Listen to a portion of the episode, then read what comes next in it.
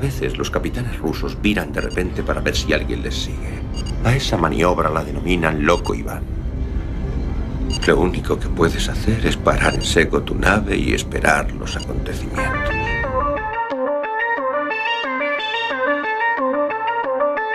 Yamasphere 347 of Space Patrol calling unidentified ship. The night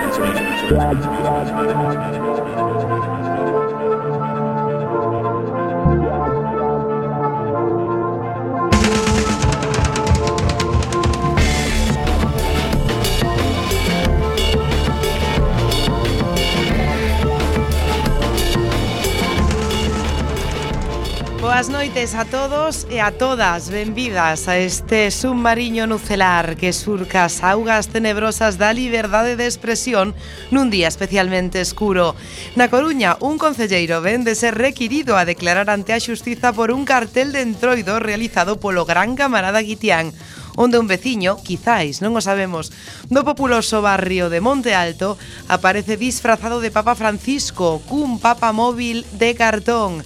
Magua que nestes tempos queden aínda tantas caretas por caer. O noso apoio para o camarada Sande e para todas aquelas persoas libres que reivindican a liberdade de expresión ben entendida. Por todo isto, porque quedan neste país moitas herdanzas escuras e moita xente que non quixo nunca recuperar o sorriso, este submarino nucelar decidiu falar hoxe de posapocalipse. Please stand back automated door and wait for the security officer to verify your identity. Before Contaremos, como sempre, con música, con noticias destacadas, con entrevistas a sabios da banda deseñada que ensinan a xente a autoxestionarse. Esta noite votamos en falta a parte da nosa querida tripulación, pero non se preocupen porque volverán pronto. O submarino segue navegando grazas ao señor Bugalov na sala de máquinas. Por suposto, sempre a miña esquerda, o camarada Lamelov. Boa noite, camarada Free Sande. Free Sande, eh, Jesui Sande. E o xefe de cociña Birnaren, como non. Aquí me pillas eh, facendo uns cartuchos o, a, o allete. O allete. Saúda vos a capitana Esbletana Ibarruri. Isto é Loco Iván. Comezamos.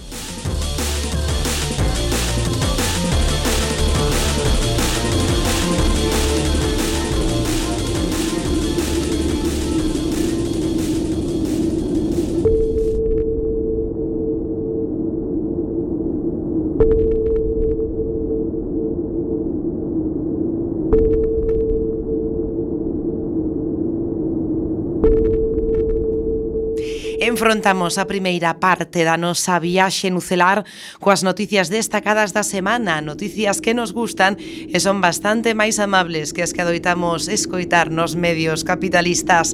Arriba Periscopio!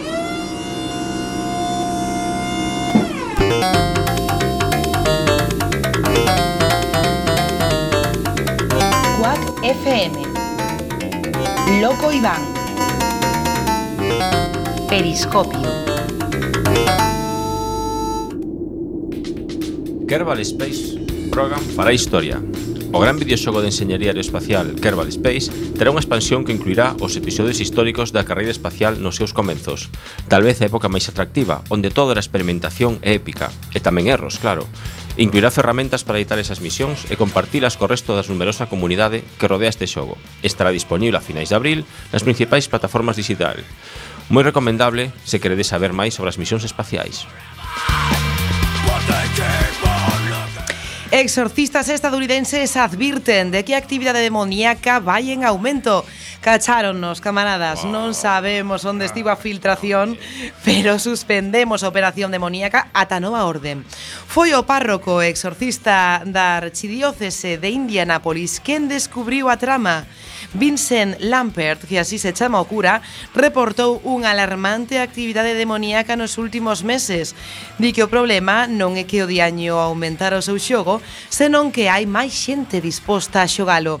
Dixo tamén que as posesións demoníacas reais son raras e que os fenómenos máis frecuentes son por infestación, vexación e obsesión. Convén unha purga inmediata do párroco. Os xogos da Nintendo Swift saben mal a mantenta.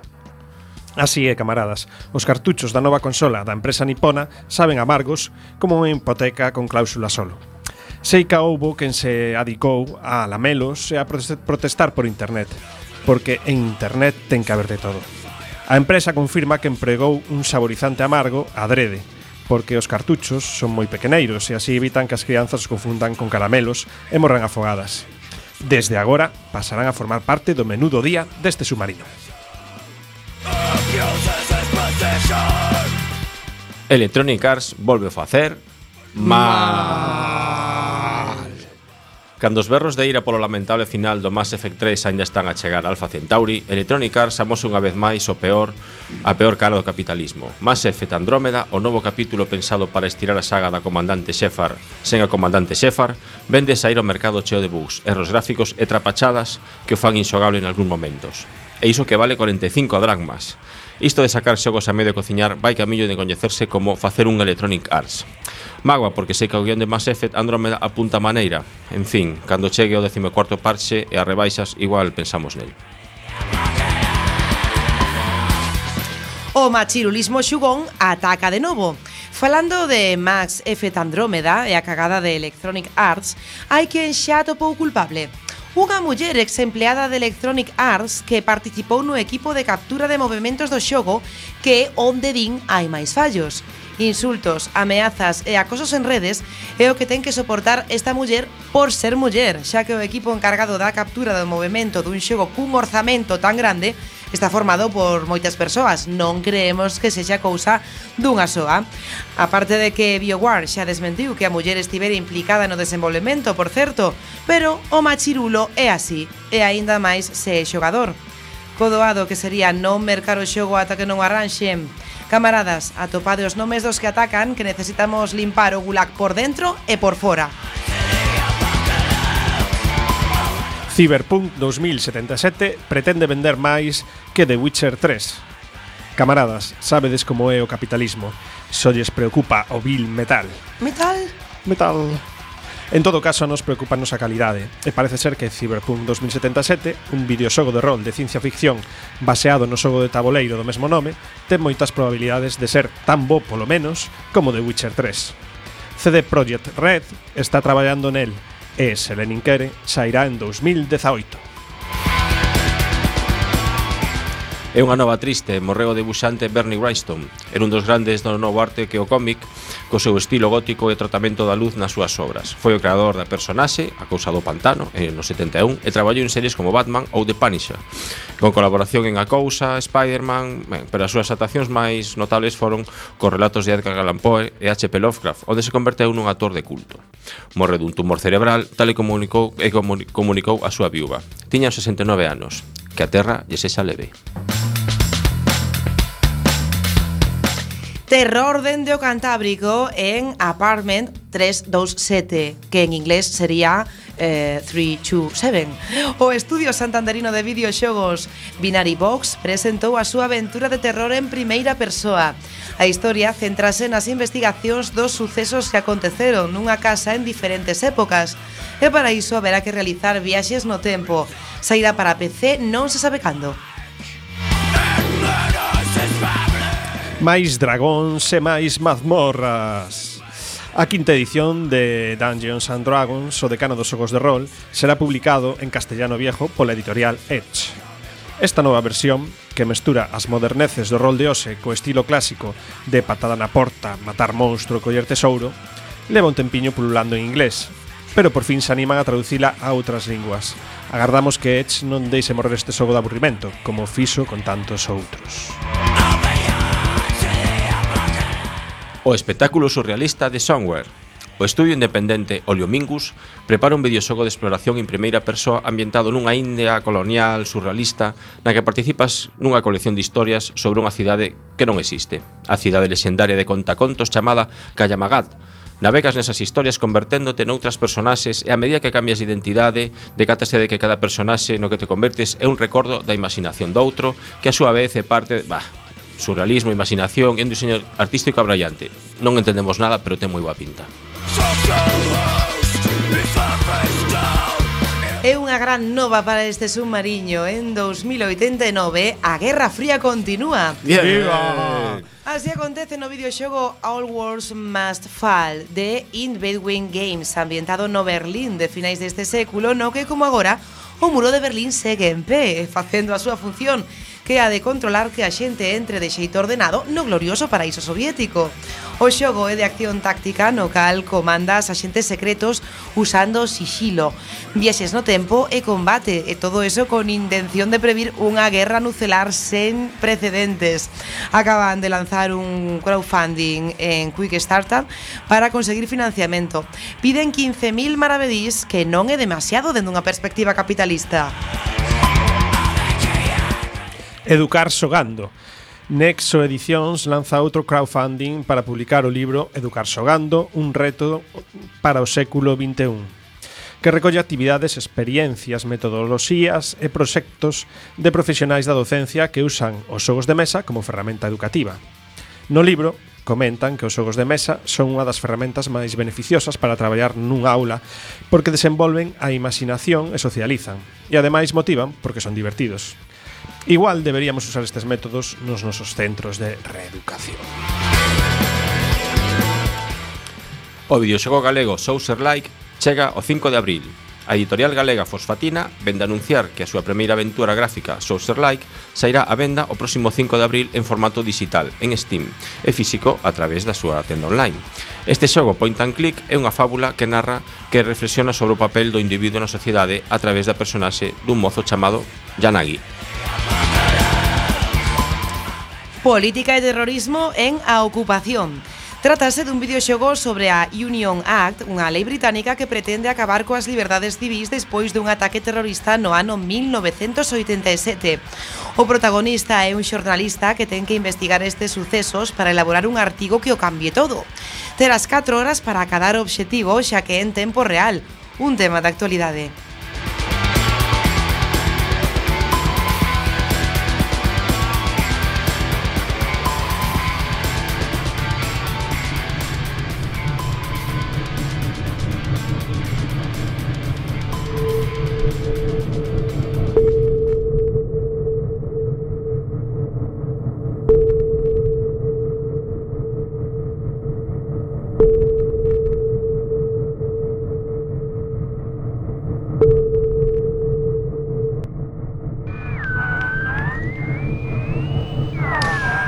Queridas e camaradas, eu non sei a que ulirá mm, o apocalipse.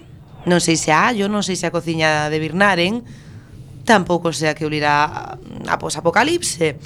A Napal, escoitaránse trompetas. En calquera caso, mentres esperamos, imos escoitar a canción da semana que nos trae o señor Bugaló. Pois seguramente se se escoita algo será a Tom Waits que non está nada mal. Non é precisamente unha voz angelical a de Tom Waits, non? É porque é como a, eh, decían del que era como, como que o tiveran sumerxido en nunha cuba de bourbon logo o posto a humar e logo arrastrado por unha autopista ou esmagado, atropelado por varios coches. Bueno, é o que fai o alcoholismo tamén. Uh -huh. aínda que non ten pinta de ter cantado nos, nos cantores de Viena.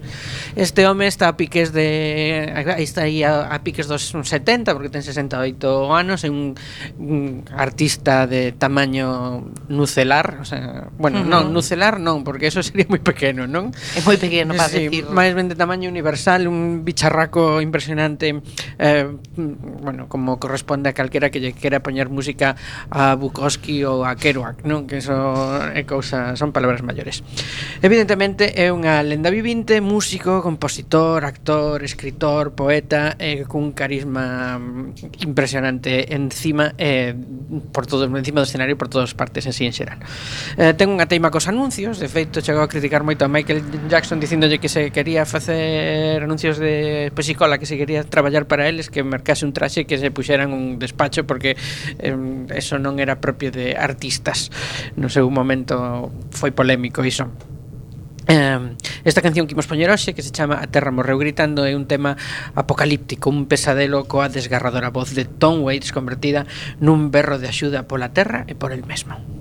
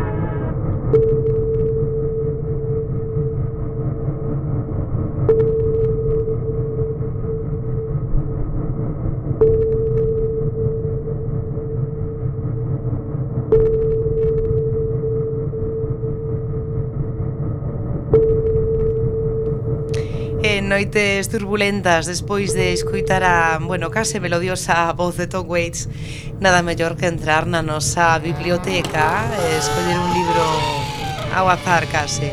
Cal vai ser, señor Bugalov? Pois vai ser Metro 2033 de Dimitri Glukovsky. Trátase dunha novela exitosa uh, rusa e posapocalíptica, como corresponde o día de hoxe, que deu lugar a unha saga literaria e de videoxogos. Supoñamos, en 2013 prodúcese unha guerra nucelar e a poboación en Moscú que sobreviviu refúxese no metro, distribuíndose polas innumerables galerías. As antiguas estacións convértense en novas cidades-estado con diferentes faccións, rivalidades e alianzas. O protagonista é Artyom, un rapaz de 26 anos que naceu, bueno, rapaz. Un rapaz de 26 anos que naceu xusto antes do Armagedón nucelar. Esas horas, un, eh, bueno, esas edades un xa non é un rapaz, digo. No. Eh. A historia desenvolvese no ano 2033. Unha das curiosidades desta obra é que deu lugar a toda unha serie de relatos ambientados na mesma no chamado Universo Metro. A idea ven de que o metro de Moscú construíuse para servir de refuxio en caso mm, precisamente de ataque aéreo ou nucelar. Eh, imos escoitalo cunha musiquiña así super chula. Que esta?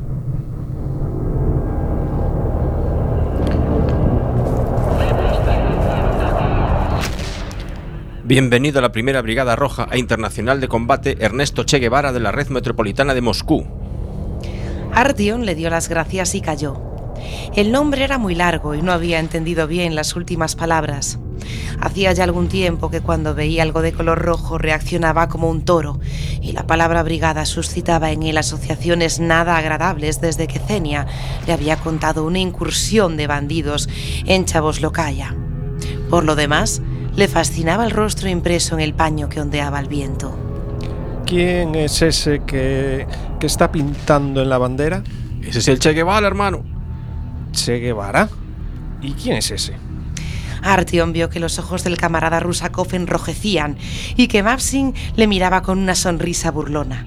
Se dio cuenta de que había tocado una fibra sensible. El camarada Ernesto Che Guevara, el gran revolucionario cubano. Por fin, Artyom entendió el nombre, aunque no le sonara de nada. Pero le pareció que lo más apropiado sería quedarse en silencio con los ojos llenos de admiración. Después de todo, aquellos hombres le habían salvado la vida y no habría sido educado irritarlos con su ignorancia. Las juntas que unían los segmentos del túnel pesaban ante sus ojos a una velocidad increíble. Mientras iban hablando, dejaron atrás una estación casi abandonada y frenaron a la media luz del trecho que empezaba a continuación. Allí había un ramal sin salida. Vamos a ver si esos cerdos fascistas nos persiguen. Se pusieron a hablar en voz muy baja, mientras el camarada Rusakov y Karatsuyupa retrocedían para detectar posibles ruidos sospechosos. ¿Por qué lo habéis hecho? ¿Por qué me habéis salvado? Bansai le sonrió de manera enigmática. Ese ataque estaba planeado. Nos llegó información. ¿Sobre mí? Le preguntó Artyom con grandes esperanzas. Después de oír lo que Kang le había dicho sobre su misión, Artyom se había aficionado a tomarse a sí mismo como una persona especial. Bansai hizo un gesto vago. No, no fue por eso. Lo hicimos porque ellos habían planeado varios crímenes. El camarada comisario decidió que teníamos que frenarlos. Por otra parte, nuestro deber es atacar siempre que podamos a esos asquerosos. Por ese lado no tienen barricadas, ni siquiera reflectores. Tan solo puestos de guardias con hogueras. Habíamos llegado hasta allí sin problemas. La lástima es que hemos tenido que valernos de la ametralladora. Luego hemos encendido una bomba de humo y hemos entrado con máscaras de gas. Todavía tiempo para bajarte de allí. La hemos dado su merecido a esa pretensión de miembro de las SS y nos hemos marchado de nuevo. En ese momento también intervino el tío Fiodor, que había estado callado fumándose una hierba que le hacía llorar un ojo. Sí, pequeño. Te han sacado de una buena. ¿Quieres un drago? De dentro de una caja metálica que reposaba sobre la dresina sacó una botella llena hasta la mitad de un caldo turbio. La agitó y se la ofreció a Artyom. Este se armó de valor y bebió. Le supo papel de lija, pero de todos modos le aflojó el nudo que desde hacía largo rato se sentía en el estómago. Así pues, vosotros sois eh, rojos Somos comunistas revolucionarios. de la línea roja. No, solo nos pertenecemos a nosotros mismos. Pero quien mejor te lo explicará es el camarada Rusakov. Él es nuestro ideólogo. Al cabo de un rato, el camarada Rusakov regresó con cara de satisfacción.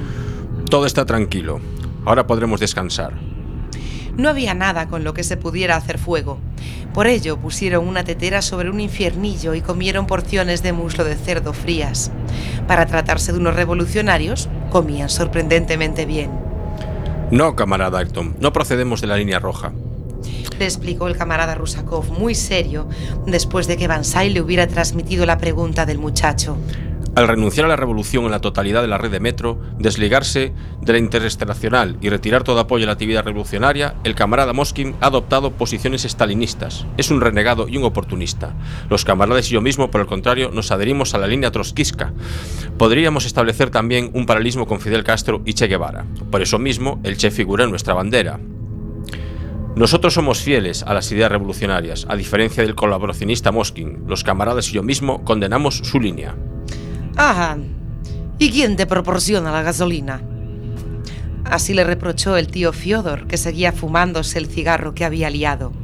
El camarada Rusakov se levantó de un salto y le lanzó una mirada asesina al tío Fiodor. Este se rió burlón y se envolvió aún mejor en la chaqueta. Artyom no había entendido nada de lo que le decía el comisario, salvo lo principal. Aquellos hombres tenían muy poco en común con los rojos que había querido clavar los intestinos de, Ma- de Mikhail Porfiekevich en una pica y pegarle un tiro a él mismo. Se tranquilizó. Trató de causar buena impresión. Es- Stalin eh, es ese que está en el mausoleo, ¿verdad? Se dio cuenta al instante de que se había equivocado. Los armoniosos rasgos del camarada Rusakov se desfiguraron. Bansai se volvió encolerizado hacia él, e incluso el tío Fiodor arrugó la frente. Artyom se corrigió al instante. Ah, no, el de mausoleo es, es Lenin. Las profundas arrugas que habían aparecido en la frente del camarada Rusakov se alisaron de nuevo. Ay, vamos a tener mucho trabajo con usted, camarada Artyom. A Artyom no le gustaba nada la idea de que el camarada Rusakov tuviera trabajo con él. No sabía nada de política, pero estaba empezando a interesarse por el tema. Se arriesgó con una nueva pregunta. ¿Y por qué estáis en contra de los fascistas? Eh, bueno, eh, yo también estoy en contra, pero eh, vosotros sois revolucionarios y... Al camarada Rusakov le rechinaron los dientes. Es lo que se merecen esos puercos por España, Ernst Thälmann y la Segunda Guerra Mundial. Artyom, que una vez más no había entendido nada, optó por no seguir demostrando su ignorancia. El agua caliente pasó de mano en mano y todos se reanimaron. Bansai empezó a hacerle preguntas idiotas al tío Fyodor, tan solo por hacerle enfadar, mientras que Maxim se sentaba al lado del camarada Rusakov y le preguntaba en voz baja. Dígame, camarada Rusakov, ¿qué nos explica el marxismo-leninismo sobre los mutantes sin cabeza? Ese es un tema que me preocupa desde hace tiempo. Quiero consolidarme ideológicamente, pero en este caso tengo una laguna. Mostró sus dientes de deslumbrante color blanco en una sonrisa pretenciosa. El comisario tardó un tiempo en contestarle. ¿Sabes, camarada Maxim? Esa pregunta no es fácil de responder. Artyom también estaba muy interesado en saber qué representaban los mutantes desde un punto de vista político y si realmente existían. Pero el camarada Rusakov callaba y los pensamientos del muchacho volvieron a centrarse en la misma cuestión que no le había abandonado durante todo el día. Tenía que llegar a la polis. Un milagro le había salvado. Tenía una nueva oportunidad, quizá la última. Todo el cuerpo le dolía, le costaba respirar y seguía sin poder abrir uno de sus ojos. Cuánto le habría gustado quedarse con aquellos hombres. Con ellos se sentía mucho más tranquilo y seguro, y las opacas tinieblas que le rodeaban no le oprimían de igual modo. Los crujidos y chirridos que surgían de las entrañas de la tierra no lo inquietaban, y habría deseado que aquel momento de reposo se prolongara para siempre. Aun cuando la muerte hubiera puesto sobre él su zarpa de hierro, el viscoso miedo que poco antes le había paralizado todo el cuerpo como los pensamientos se habría ya desvanecido. La infernal bebida del tío Fiodor había abrasado los últimos restos que aún tenía escondidos en el corazón y en el vientre. Al lado de Fiodor, del despreocupado Bansai, de la seriedad del comisario y del fornido Maxim Lumumba, sentía una calma que no había sentido desde hacía cien años atrás. No le quedaba ninguna de sus anteriores pertenencias.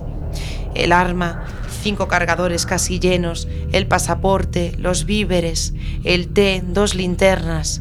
Los fascistas se lo habían sacado todo. Solo le quedaba la chaqueta, los pantalones y el casquillo que el verdugo le había metido en el bolsillo. Quizás aún te sirva para algo. ¿Qué tenía que hacer ahora? ¿Quedarse allí con los luchadores de la Internacional en nombre de Dios y la brigada del, del bueno, de lo que fuera el Che Guevara? ¿Compartir la vida de los revolucionarios y olvidar la suya propia? No, no podía hacerlo. No podía quedarse allí ni un minuto más. No le era lícito relajarse. No tenía ningún derecho. Su vida ya no era su vida. Desde que había aceptado la misión de Hunter, su destino ya no le pertenecía. Era demasiado tarde. Tenía que ponerse en camino. No le quedaba otra salida. Durante largo rato guardó silencio y trató de no pensar en nada, pero a cada segundo crecía en él una oscura resolución, no tanto en su conciencia como en sus miembros fatigados. Un anhelo prolongado y doloroso, como si alguien hubiera vaciado una muñeca rellena de serrín y hubiera vuelto a darle forma con un esqueleto de alambre. Ya no era él mismo. Su antigua personalidad se había hecho añicos. Se le habían escapado como el serrín, arrastrada por la corriente de aire del túnel. Y en la cáscara que había quedado atrás se había instalado otra persona, que no quería escuchar el desesperado ruego de su cadáver desollado y sangriento. Alguien que pisoteaba hasta lo más hondo con talones de hierro todo deseo de rendirse, de quedarse en aquel sitio, de reposar, de no hacer nada. Lo pisoteaba aún antes de que aflorara a la conciencia. Esa otra persona tomaba las decisiones en el plano de los instintos, de los reflejos musculares, de la médula espinal y no en el de la conciencia, en el que reinaba el silencio y el vacío. Y de repente su eterno diálogo interior quedó interrumpido a la mitad.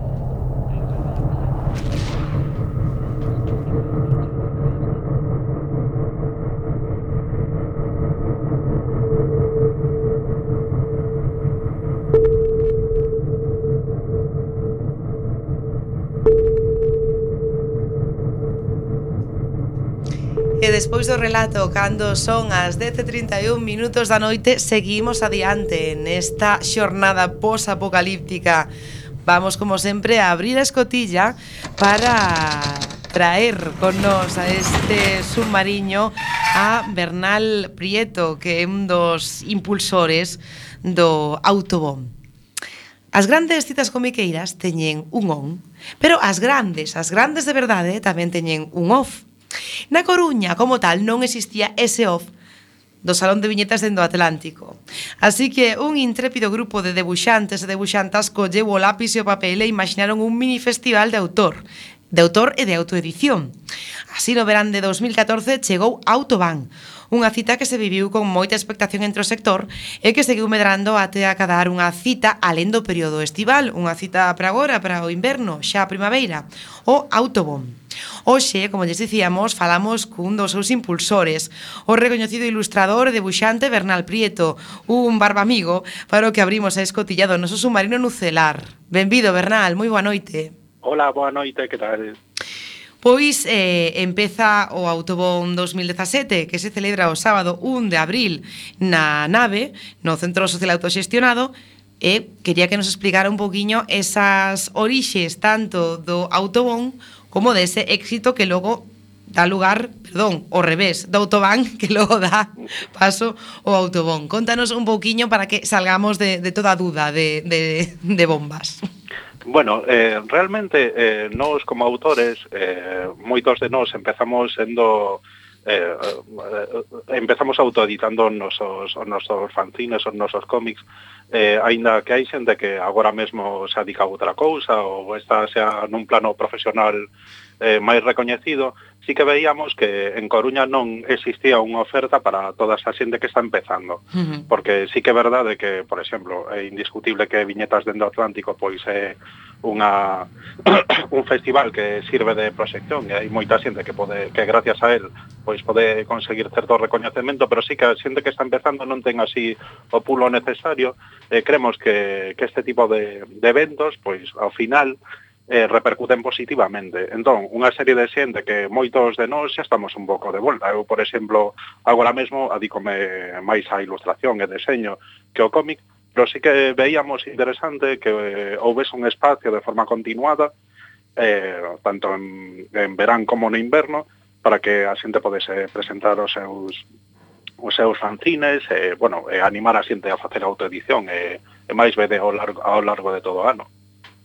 Nos poderías contar un pouquiño a parte pois que é o que vai pasar neste neste autobán invernal eh, que empeza o 1 de abril? Sí, sí, sí. Nos normalmente eh, na, se, eh, na sesión que facemos en inverno é un pouco máis comprimida. Eh, o que imos facer este ano vai ser todo eh, na 9839, uh -huh. que, bueno, é un centro social que está na estación de dentro da estación de trens, que se alguén non, non foi nunca, pois o aconsello, porque é un sitio así interesante, teño moi boa programación. Eh, o que imos facer, eh, a partir das 4 e media da tarde, imos empezar unha serie de actividades. A primeira é unha cousa así máis de confraternización, que quedar coa xente que vai a, a traer os fanzines, e eh, e co público en xeral que quera vir, eh, haberá, bueno, un par de, de persoas pinchando, música, empezaremos a prepararlo todo, pero eso normalmente sempre facemos algo así, algunha actividade lúdica puramente para que xenta eh, poda falar un pouco tranquila, e non ten máis que iso. E logo xa empezamos aí con todas as actividades. Eh, o que o que faríamos así de actividades son, hai un, exer, un un, unha actividade que levamos facendo os últimos anos que nos parece así moi aceitada que é o, o Autolab. O Autolab partiu de unha proposta que existía antes en Ourense, nas jornadas de Ourense, eh, hai uns anos, perdón, e que consiste nunha serie de exercicios de cómic que se fan de forma colaborativa. Eh, bueno, levaba moitos anos en facerse porque as jornadas cambiaron de... Bueno, tiveron aí unha época escura e deixaron de facerse durante un tempo eh, nos recuperamos. Eh, contactamos con Óscar Iglesias, que era a persoa que normalmente o facía aí, eh, eh, levamos tres anos se facendo, o que se fai ao final é, eh, bueno, pois pues unha serie de exercicios de cómic comunitario e cómic experimental que normalmente acabamos publicando e que realmente pois é bastante interesante e, e a xente o pasa moi ben. Animo a, a quen queira vir, aínda que non sexa debuxante de cómics, se lle apetece, é realmente interesante participar. Iso que te queríamos preguntar, Bernal, eh, realmente eh, estas xornadas non temos, quer decir, pode ir público de todas as idades, non, non está, non, non hai que ser un, un debuxante experto ou case experto para, para asistir, verdad?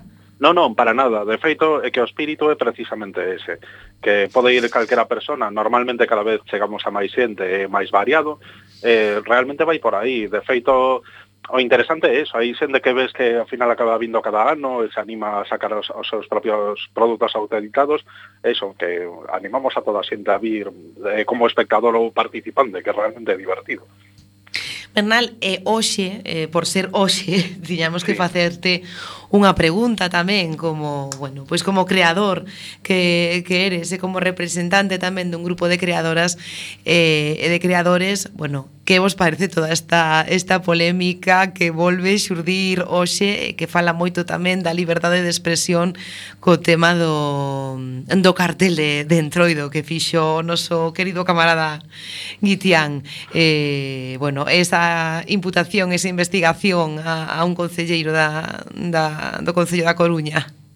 Bueno, eh, non sei, eh, precisamente, supoño que dis tamén, porque nós precisamente temos unha charla que aínda acabamos de pechar a OSI, eh, é unha mesa redonda que vai ser adicada precisamente a estos temas sobre mm. a liberdade de expresión, a censura, o difícil que manexarse e, e precisamente vai estar Guitián falando do caso do cartel, que nos parece un caso paradigmático dos que estamos vivindo últimamente, que aparte está eh, bueno, pois desgraciadamente de plena actualidade eh, agora mesmo coa imputación de, de Sande e que, bueno, é que é increíble. Eh, nos non podemos máis, non sei.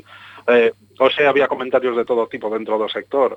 Por exemplo, había un colega que dicía creo que acertadamente que estaba esperando que acabase esta polémica para que lle encargasen a él o cartel de Semana Santa que aí sí que iba a estar a cousa divertida. Pero eso, que realmente non, non, non, non se pode explicar como chegamos hasta, hasta, hasta estos niveles de, perdón, de de non sei de recato e de non, non sei. Eh, eh, non. Eh, penso a veces como chegamos ou, ou como é que non cambiamos, non? Porque non sei se recordan os camaradas que hai unhas semanas entrevistábamos eh, bueno, pois o, o compañeiro Xulio que tiña unha retrospectiva sobre sobre o cómic galego e a banda deseñada ah, sí. en Galicia e falábamos un pouco precisamente de eso, de históricamente eh, todos os problemas que tuvo tamén a, a banda deseñada durante eh, o, o que eran as, as viñetas durante durante durante a censura e, e como final eh, no Estado español se seguen secuestrando eh, xornais é, é algo que, que que lle pasa o, o, o cómic. Que pasa? Que é o último bastión aí reivindicativo que, que queda o, o último espazo de, de liberdade creativa case. Que, que ocorre? Non sei, eu, bueno, basicamente neste caso como non sub, eh, teño totalmente claro que é un ataque político e que non é eh, non é realmente xente que se sinta ofendida por algo porque non ten ningún sentido. Eu vexo ese cartel ou, ou, ou non sei, o enterro da sardina ou moitos eventos ou a xente disfrazada polo polo entroido en Coruña de, de curas, monxas, papas ou que sexa, en, coido que ninguén pode sentirse, bueno, ninguén que teña dous dedos de fronte pode sentirse ofendido por eso. Entón, creo que é un ataque político, sen máis. Entón, eh, aí xa, xa eh, pareceme a min de forma personal, isto xa non o digo como, como colaborador, colaborador do, do Autobanque, non tengo outra explicación. Si que eh, na nosa charla, por exemplo, imos tocar ese tema, pero tamén imos fa, facer unha pequena retrospectiva. Hai, bueno, se, hai xente que, que vai falar un pouco de, de, de os límites de expresión tamén eh, no caso de humor gráfico en prensa ou varios casos paradigmáticos dos últimos anos. Pero neste caso concreto é que para min eh, non, sabe, non, non pasa ese filtro, e que pareceme unha soberana estupidez, basicamente. Ola, boa noite, bueno, non son o camarada Lamelov.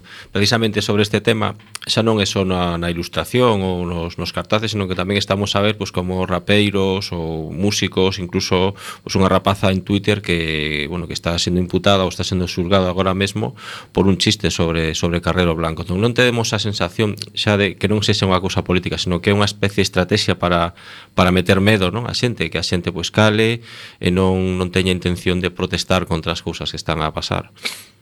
Sí, sí, sí, por suposto. Non, non, quero dicir que neste caso, aparte de, de, de que esas consideracións as con, eh, son totalmente acertadas, creo que é simplemente un ataque a unha opción política que non lle gusta a certa xente.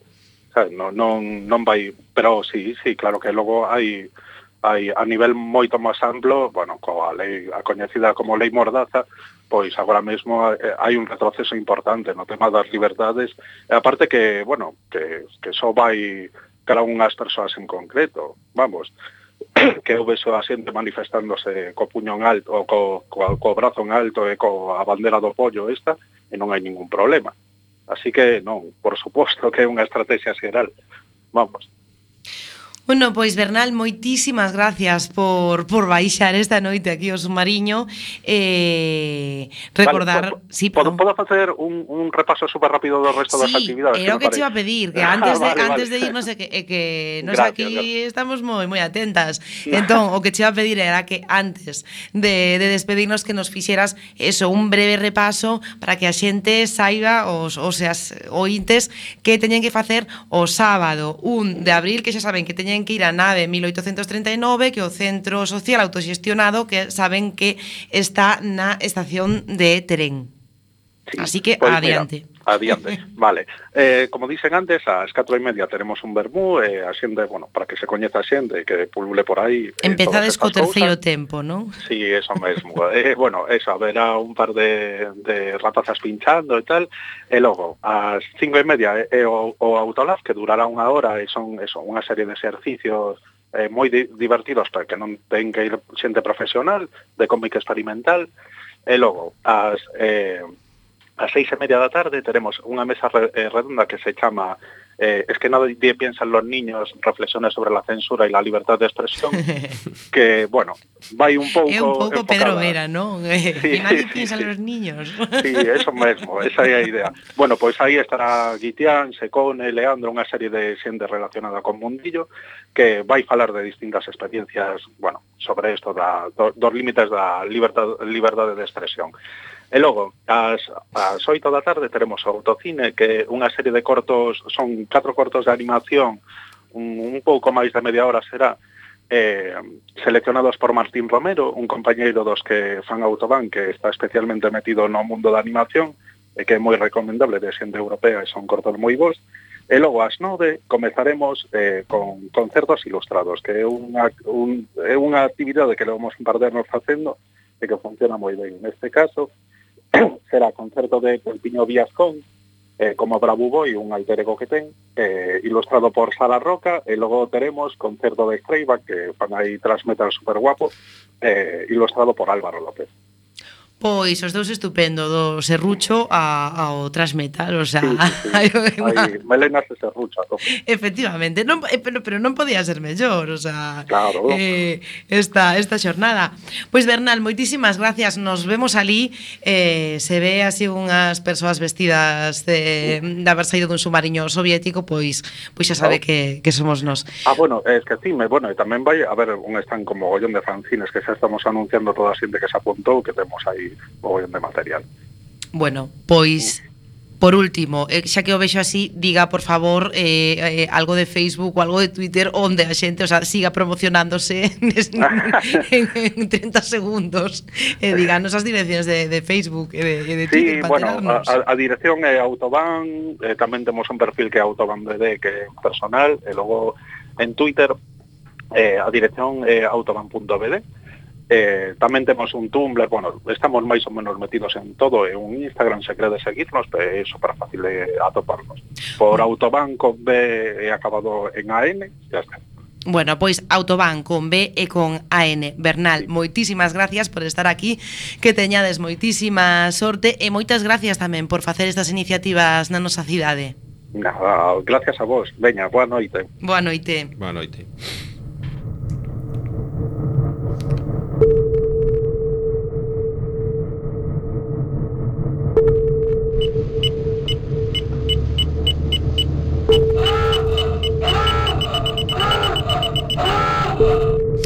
vamos apuradas de tempo porque son as 13:46 minutos da noite, pero todavía temos un anaco de viaxe en Ucelar que como xa vos vemos dicindo ao longo de toda esta hora, hoxe estamos falando de posapocalipse. apocalipse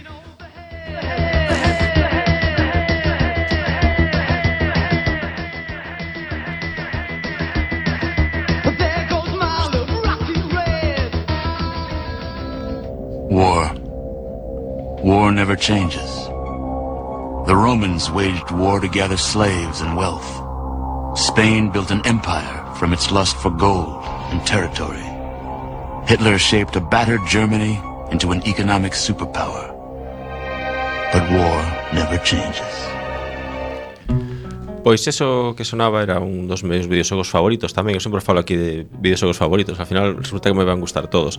Claro, Trátase non de... tes ningún vídeo. Cuál é o teu videoxogo máis odiado? Eh, pois non sei, creo que un que se chama Capitalismo Ai, bueno. Non Algún sei día por... falaremos de ET, o videoxogo. Sí, pero será mítico, pareceu enterrado. Bueno, este é Fallout, Fallout, que é unha saga pois de xogo posapocalíptico, por suposto, e xogo de rol, que os primeiros saíron, bueno, no ano 97, logo no ano 99, feitos por Black Eyes, eh, unha división de Interplay, no que estaba pois Tim Kane, que é o produtor, e Leonard Boyaski, que son os que logo tamén fundarían a compañía Troika, da que falamos aquí nalgúnha ocasión, a compañía que fixo Arcanum, o que fixo Vampire Blue Lines. A verdade é que é un xogo eh, maravilloso, sobre todo para a época, en 2D isométrico, por turnos, cunha ambientación eh, realmente moi peculiar, porque aínda que está ambientado no ano 2160, eh, o que representa non é o mundo, digamos, como evolucionaría según o que coñecemos agora, senón como imaginaban nos anos 50 que sería o futuro despois dun cataclismo nuclear, nucelar, perdón. Por eso, eh, digamos, eh, a toda a estética que ten é como se fose retrofuturista e incluso pois, os, os manuais de instruccións do propio xogo están como parecían como a estética do Monopoly deste personaxe de, de do, do ricachón, no? de bigote, pero feito pois, con un, un rapaz que bueno, chamase Pip Boy que tamén é o que dá nome pois, a un ordenador que utilizan os ordenadores, a tecnoloxía é retrofuturista de ordenadores de tubos, de vacío e a música pois, é máis ou menos como isto que está sonando de fondo, esa música dos anos 50 tal, que eh, pois como como eh, trae esa sensación de nostalgia e de solastalgia, ¿no? de polo, polo, polo perdido, non polo entorno polo entorno perdido. Esta é a música que, que ten na cociña sempre Birnaren. Sí, sí, sí estou, estou bailando agora mesmo. Claro, é que vostedes eh, pola maxia da radio non o poden ver, pero Birnaren realmente fai moitos anos que, que perdeu a cor, é, é de cor sepia, de feito. Efectivamente, é así. Eso é un segredo Capitana, por favor. certo. Bueno, pois pues, un xogo de punk atómico, o atomic punk tamén, eh, retrofuturismo, eh, unha estética brutal. Inventaron a Nuca-Cola, que é unha especie de Coca-Cola nucelar, que eh, resulta que a moneda precisamente era as tapas das botellas desas de, de Nuca-Cola. Onde queda? Temos que preguntar eh, a xente que nos escoita Onde queda a Meca-Cola? Xa, xa, non, xa non a venden en ningún lado. Onde? Home, se Meca será no Grove, supoño. Ah. Que chiste, que chiste máis malo. Que bueno, o, chiste, En fin, o, humor comunista, sabes como é. Querella das, das viúvas de Lugo inmediatamente. Inmediatamente. ¿Qué es lo que tienes? Un cuerpo. Es del camión de la muerte. Y tiene la marca. Bueno, ya sabes cómo funciona. Déjalo en... Este aún está vivo. Y una mierda. ¡Mientes! Que la zona me lleve si miento. E outro xogo inolvidable, é Stalker, que tamén delugaron a minisaga, eh, Stalker, che Shadows of Chernobyl, Stalker, eh, Clear, Sky, Clear Skies e Stalker Call of Pripyat. Son tamén tres xogos posapocalípticos que están ambientados eh, pois na zona de Pripyat, a cidade onde estaba a central nuclear, bueno, onde está a central nuclear de Chernóbil, onde se produxo o, o accidente. Está inspirado na obra dos irmáns Strugatsky, eh, Picnic eh, extraterrestre, e tamén na película de Tarkovsky, realmente o videoxogo era eh, bueno, espectacular porque ambientaba perfectamente o que era esa zona de exclusión que se fixera precisamente pola contaminación nuclear. Narra a historia de, de Marcado, que é o protagonista, que o atopan medio moribundo, e cun tatuaxe na, no brazo que pon Stalker, que ven querer dicir algo así como merodeador, é unha mensaxe nunha, nun iPad, bueno, nunha tablet ou nun, nun trebello espantoso que pon eh, matar Straylock e a partir de aí pois, ser unhas aventura onde el ten que avanzar pois, dentro desa, desa zona chea de pois, eh, anomalías nucelares e sobre todo cunha ambientación que realmente dá a sensación de que estás aí. Eh, hai día e noite hai mm, es esos catacumbas ou eh, silos nucelares abandonados nos que hai que meterse todos chenos de humidade e eh, eh, bueno, e eh, por callada e con a veces pois, encontros interesantes como pois, os compañeiros tocando a guitarra dentro dun, pois, dunha, dunha casa eh, pois, a luz do, do lume. Cantas veces dende, dende que comenzamos este periplo no submarino, cantas veces falaches de, de Stalker? eh, cantas veces non falei, dirás. claro, efectivamente. Cantas en, en, houbo algún traxecto nucelar no que non abordáramos este este tema, este importante videoxogo dos teus preferidos? Espero que non. Bueno, pois imos seguir ademais con recomendaciones de rol, non é así? Pois eh, Non, a verdade é que non. No, pois, eh, pois, pois seguimos, que queiras vir. Seguimos con videoxogos. As recomendacións de, lo, de rol veñen como ao final. Ah, bueno, bueno, bueno, porque ti estás saltando o teu guián. Eh, eh, eh, efectivamente, non pasa nada, non pasa nada. É que tivemos unha baixa do camarada de Stajanov que ten que estar aí tanto claro. de comer aos, aos pois, revisionistas. Stajanov, pero esta Ay. música tan maravillosa que está sonando, evidentemente adivinades que é do After the War. Evidentemente. Claro. Se alguén sabe inglés, ademais de ruso por aquí, pois o título creo que é suficientemente pois apocalíptico, non? After the War. Efectivamente. É un videoxogo de 1989 da mítica compañía española Dynamic, eh, creo que debería de deixar de dicir mítica Debe porque ser, se estou falando de algo de fai 28 anos, pois xa de por sí xa inclúe o de mítico, non? Uh -huh. Pois atención, porque a aventura do xogo transcorre no ano 2019. Bueno, estamos Despois dunha guerra nucelar, o sea que ollo que estamos aí ao Estamos lado, a piques, eh. A guerra nucelar está a piques de Pode chegar. ser, pode ser que, que a guerra nucelar a inicien as viúvas de Lugo. Pois eh, todo encaixa, realmente todo Pode encaixa. ser que nos vayan denunciar despois deste Esperemos, deste viaxe esperemos. nucelar. Veremos, isto vai a desencadear unha, unha guerra bestial. Dios mío, no. Volvendo a After the War, que, que aparecen algunhas vidas tamén de, de ambientación de fondo, está eh, ambientado en Manhattan, que é un, algo moi recorrido nos xogos da época, ¿no? como 2.567 xogos dos 3.000 que había estaban ambientados en Manhattan mm, aproximadamente. E o objetivo é fuxir as colonias do espacio. O mundo era tan posapocalíptico que eso quedaba fuxir, claro. E seguimos. E agora estamos falando de un xogo de 1987, todavía anterior. E pasamos do Spectrum ás maravillosas recreativas, esas que que sí, que, que tanto xogábamos, que, que gastábamos os cartos de, de, de nenas ali toda, toda mañá e o xogo. Toda mañá, ¿eh? o sea, estás comentando que, que latabas a clase, neno. O que... No, no, no, estou falando dos sábados, que estábamos toda a mañá, volvíamos en ca a casa a comer, sorteábamos unhas cantas persoas que nos pedían un patacón ou un, ou un algo. Un patacón, Dios mío, o sea, señor, la, señor Birnaren. No, no, no patacón. Nos, nos pedían un julai, eu non sei como se chamaba daquela época, pero algo nos pedían. E volvíamos outra vez a xogar a, a esas máquinas. ¿no? Temos que introducir, por favor, señor Bugalov, para, para a próxima viaxe, para cando fale Birnaren, eh, creo que sería necesario unha música de arpa, non? Así de, de, de, de recordar tempos moi pretéritos. No, bueno, gritos así de, de terror, non? Cando vou a falar. Bueno, pois eh, este xogo Double Dragon todo, todas as persoas do mundo mundial coñecerán porque, bueno, xogábamos aí horas e horas a él. E está ambientado, por suposto, en Manhattan tamén ou en calquera outra cidade estadounidense. En, en Puerto Rico. En este caso os protagonistas eran Billy e Jimmy, uns nomes suficientemente galegos como para poder protagonizar este xogo. E, eh, bueno, teñen eh, un machirulo setivo de rescatar a noivado de un deles que se chama Billy da banda dos Block Warriors. Eh, todo moi americano, claro. A verdade é que o xogo era moi entretido e dos máis rendibles no ratio tempo de xogo cartos invertidos, que era un ratio que estábamos calculando os nenos pois todo o rato, constantemente cando estábamos nas maquiniñas. Bueno, e só mencionar que existe outro xogo de loita tamén que se chama Cadillacs and Dinosaurs de 1992, tamén moi moi divertido pero con un, digamos que unha historia un pouco máis enrevesada pero quizáis non me debía descender demasiado porque porque quería non... a palabra ao camarada Merov. Porque nos queda un minutiño.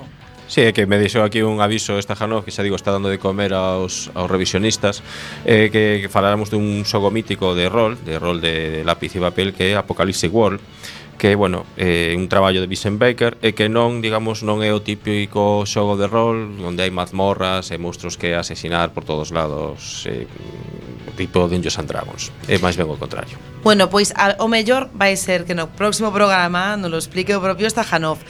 A vostedes, sexan felices, beban vodka con moderación e acórdense que o marte, que mañá día 25 hai a presentación en Alita Orzán de Vikingos Espaciais.